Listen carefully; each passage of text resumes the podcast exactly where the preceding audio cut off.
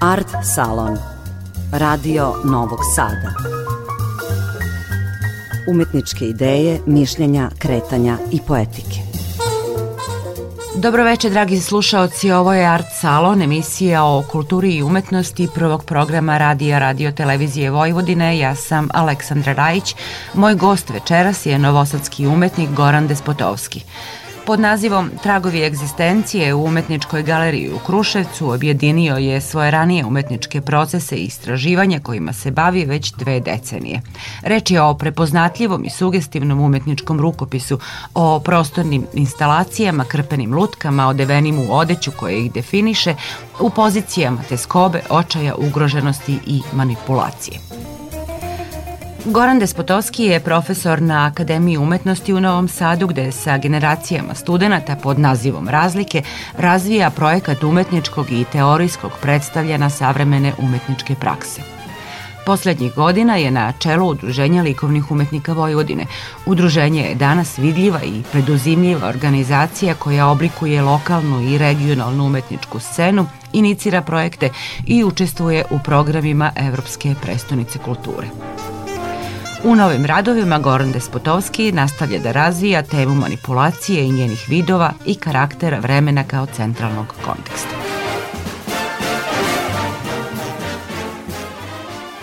Glavno pitanje je uopšte odsustvo pojedinca, mišljenja, negovanje određenih principa koji se mogu javiti kod e, pojedinca kao što je humanost, zdravo razmišljanje, bez manipulacije i tako dalje jedni intelektualni stavovi, ali mi se susrećemo danas da sve više u, u našem prostoru, ali mislim možda i dalje na globalnom nivou, da uh, intelektualno se uh, poklapa sa sposobnošću za manipulaciju.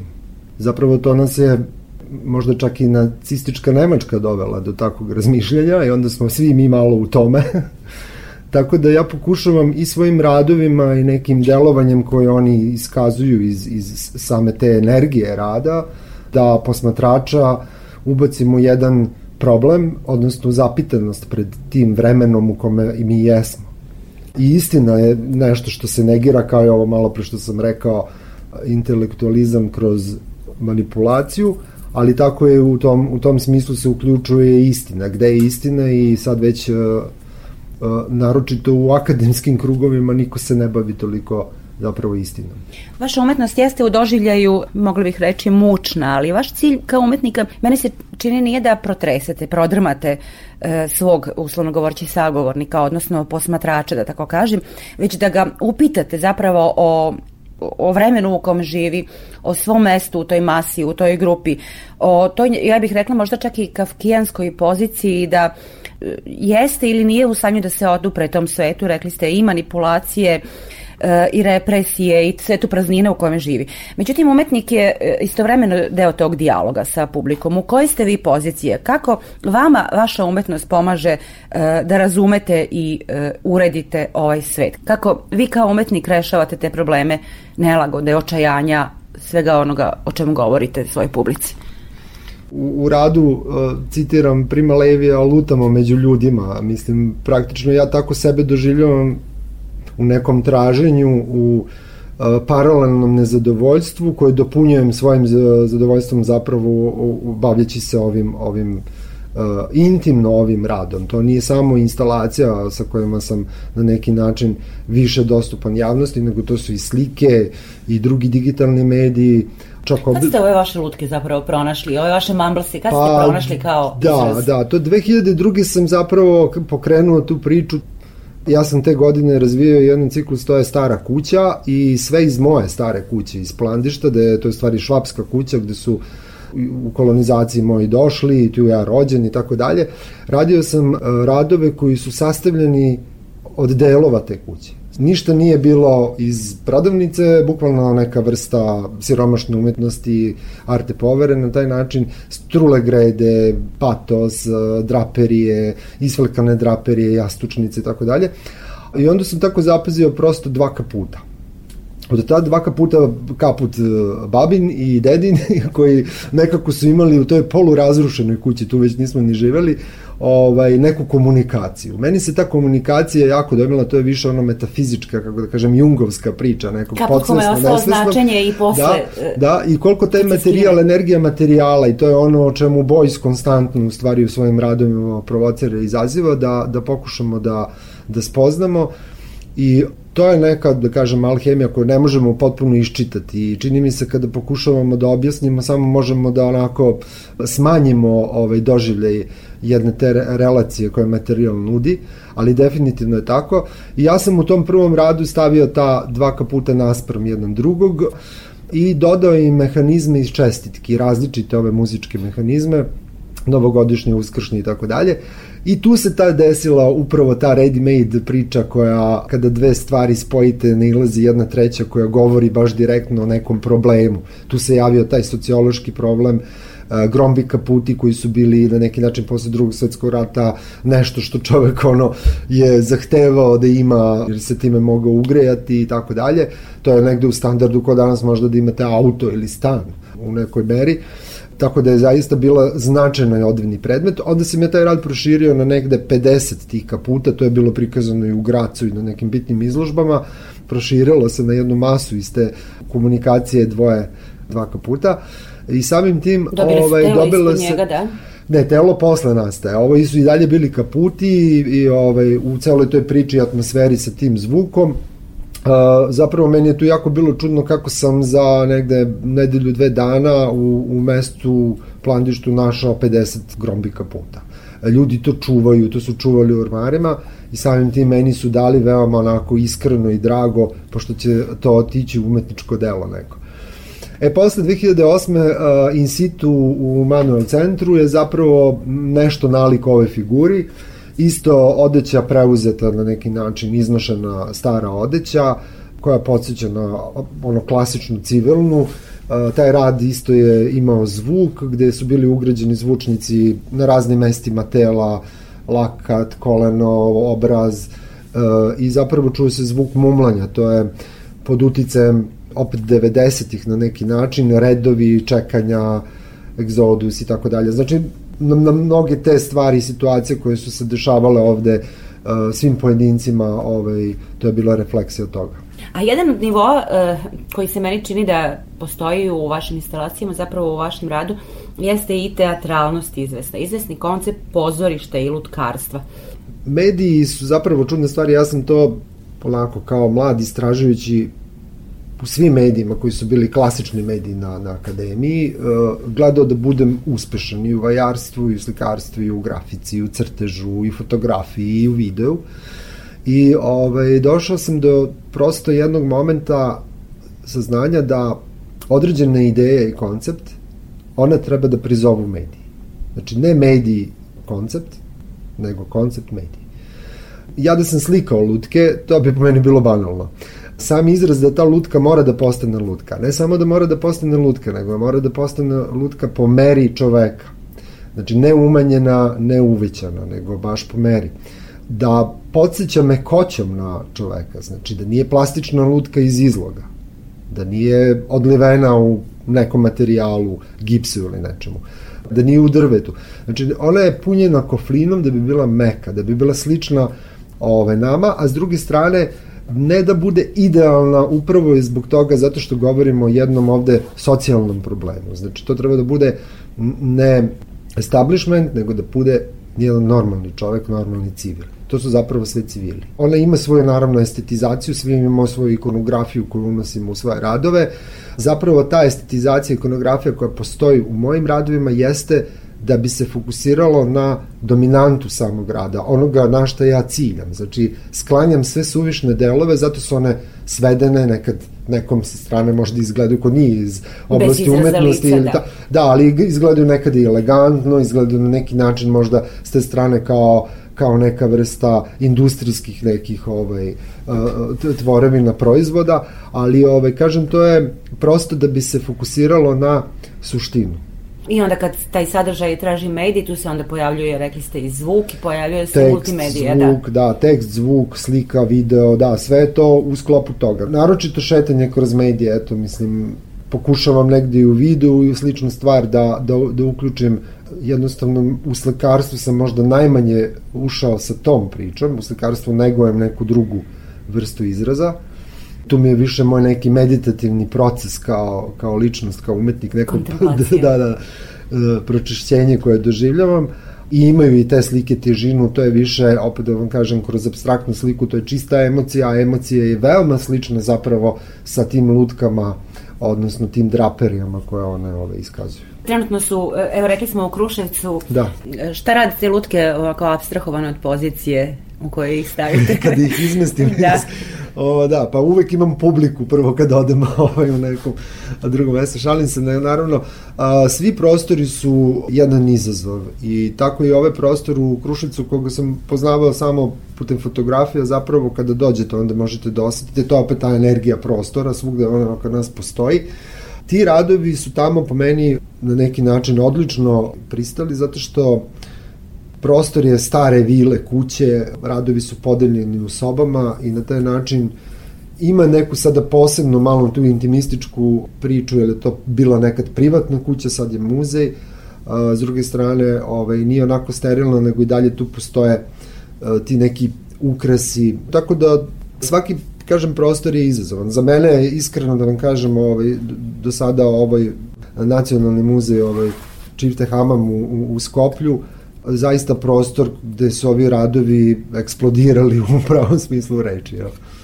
Ima jedna e, stvar koja je gotovo nezaobilazna u savremenoj umetnosti, to jeste taj umetnički statement, taj autopoetski iskaz savremenog umetnika o svom delu. E, pitala bih vas na što to upućuje? E, na neko eventualno možda nesnalaženje publike, na neadekvatnost medija ili možda i kritičara, na neke nedovoljne kustoske prakse. S druge strane, nije li to tako uzeto zapravo jedan okvir, jedan e, možda čak i korset u kome se recimo kreće neki doživljaj umetnosti? Ta stvar se kod mene na neki način isto menjala mišljenje o tome da li rad treba da ima to ili ne. U savremenoj praksi naravno da postoje radovi gde vi morate objasniti nešto korisniku publici. U nekim radovima to nije potrebno. Međutim, ta kustoska praksa nekako je povukla tu priču, dovela i umetnika do toga da je to jako potrebno. E sad ja na osnovu nekog svog iskustva, nakon svog doktorskog rada, gde sam negde ogolio sada tu priču o svojim radovima, imam Vrlo neko, jedno da. čudno mišljenje da da sam im oduzeo zapravo nešto što je bio ova, ova suština tih radova. I to me nekako jako nervira u stvari što se to desilo. Ovaj, hoću da kažem da preterano objašnjavanje nečega što je veoma čitljivo i jasno, jer ovi radovi bili su i uh, u, u drugim prostorima, van ove naše granice bivše SFRJ. Znači samim tim, ako i druge uh, kulture čitaju na taj način, kako sam i dao, onda je tu nepotrebno objasniti. Ja mislim da sam i previše izobjašnjavao ove radove u smislu teksta i da sam ih nekako to je moj subjektivan osjećaj, kako da kažem, oduzeo od sebe na taj način I nisam uvek za to, to hoću da kažem. Nije da sam isključio u tom smislu, ne treba to raditi, zaista postoje radovi gde vi morate dati neke osnovne informacije i uputstva, ali ovaj, konkretno kod ovih instalacija mislim da to nije bilo potrebno, međutim formalno doktorski rad se mora napisati, mora se imati... E, da, a imate osjećaj da je priča kulturološka, da li su različ, radovi različito tumačeni u različitim uh, sredinama? Pa nisu, to vam govorim, da su oni uh, potpuno isto tumačili to. Da, izložba koja je bila preko muzeja, sa Tajman, je li tako, već sam i zaboravio, u koje mesto i to, Uglavnom, uh, ja sam tu izvukao jedan citat. Te lutke su se zapravo pojavile uh, kada su videle rad na svim ovim banerima, posterima, plakatima, jer oni kada objasnili su to kada vide čoveka bez lica, da je to teška bol, jaka bol i onda u principu još kada je to u masi, u gomili, onda to nema ništa snažnije i jače od, od toga. Ali to je sve opet vraćanje na uh, stradanje čoveka, na zapravo uh, i na, i na drugi svetski rat i uopšte generalno šta čovek, čovek čoveku može da učini kada ga ogoli od svog identiteta. Zapravo da. to je proces manipulacije koji se razvio sada beskreno i mi više ni ne znamo sami da ocenimo kada smo i u kolikoj meri i od koga izmanipulisani i, i šta sa nama rade. E, govoriti o Goranu Despotovskom, zapravo govoriti o vama i sa vama ne može bez jedne činjenice. Rekla bih da e, opstanak svoje umetnosti. Razlog je da ostanete i opstanete i vi i vaše kolege u poslu kojim se bavite. Rešavate bar još na dva načina, a to je svojim angažmanom u Savezu udruženja likovnih umetnika Vojvodine kao predsednik udruženja već nekih 5-6 godina, a drugo je kao profesor na Akademiji umetnosti, dakle sa studentima razvijate broj, ne samo što predajete studentima, nego i razvijate brojne uh, projekte sa njima, radite zapravo sa njima i na na prezentaciji te njihove umetnosti, dakle do finalnog koraka ih dovedete. To su dakle samo neki detalji iz vaše ove životne i radne e, biografije. E sad šta je smisao? Raditi to sve, ne zaustaviti se nigde i povući u to druge ili e, otkud vam toliko energije zapravo? Pa ne znam, imam problem sa tim definitivno. ovaj, hoću da vam kažem da moja potreba za radom je dovela do toga da ja pored nastave na akademiji želim da vodim i projekte. Isto tako, pored toga što sam predsednik u udruženju, ja mogu biti predsednik i ništa da ne radim, ali želim da se aktiviram. To je potreba za radom, tako jednostavno mogu da, da objasnim.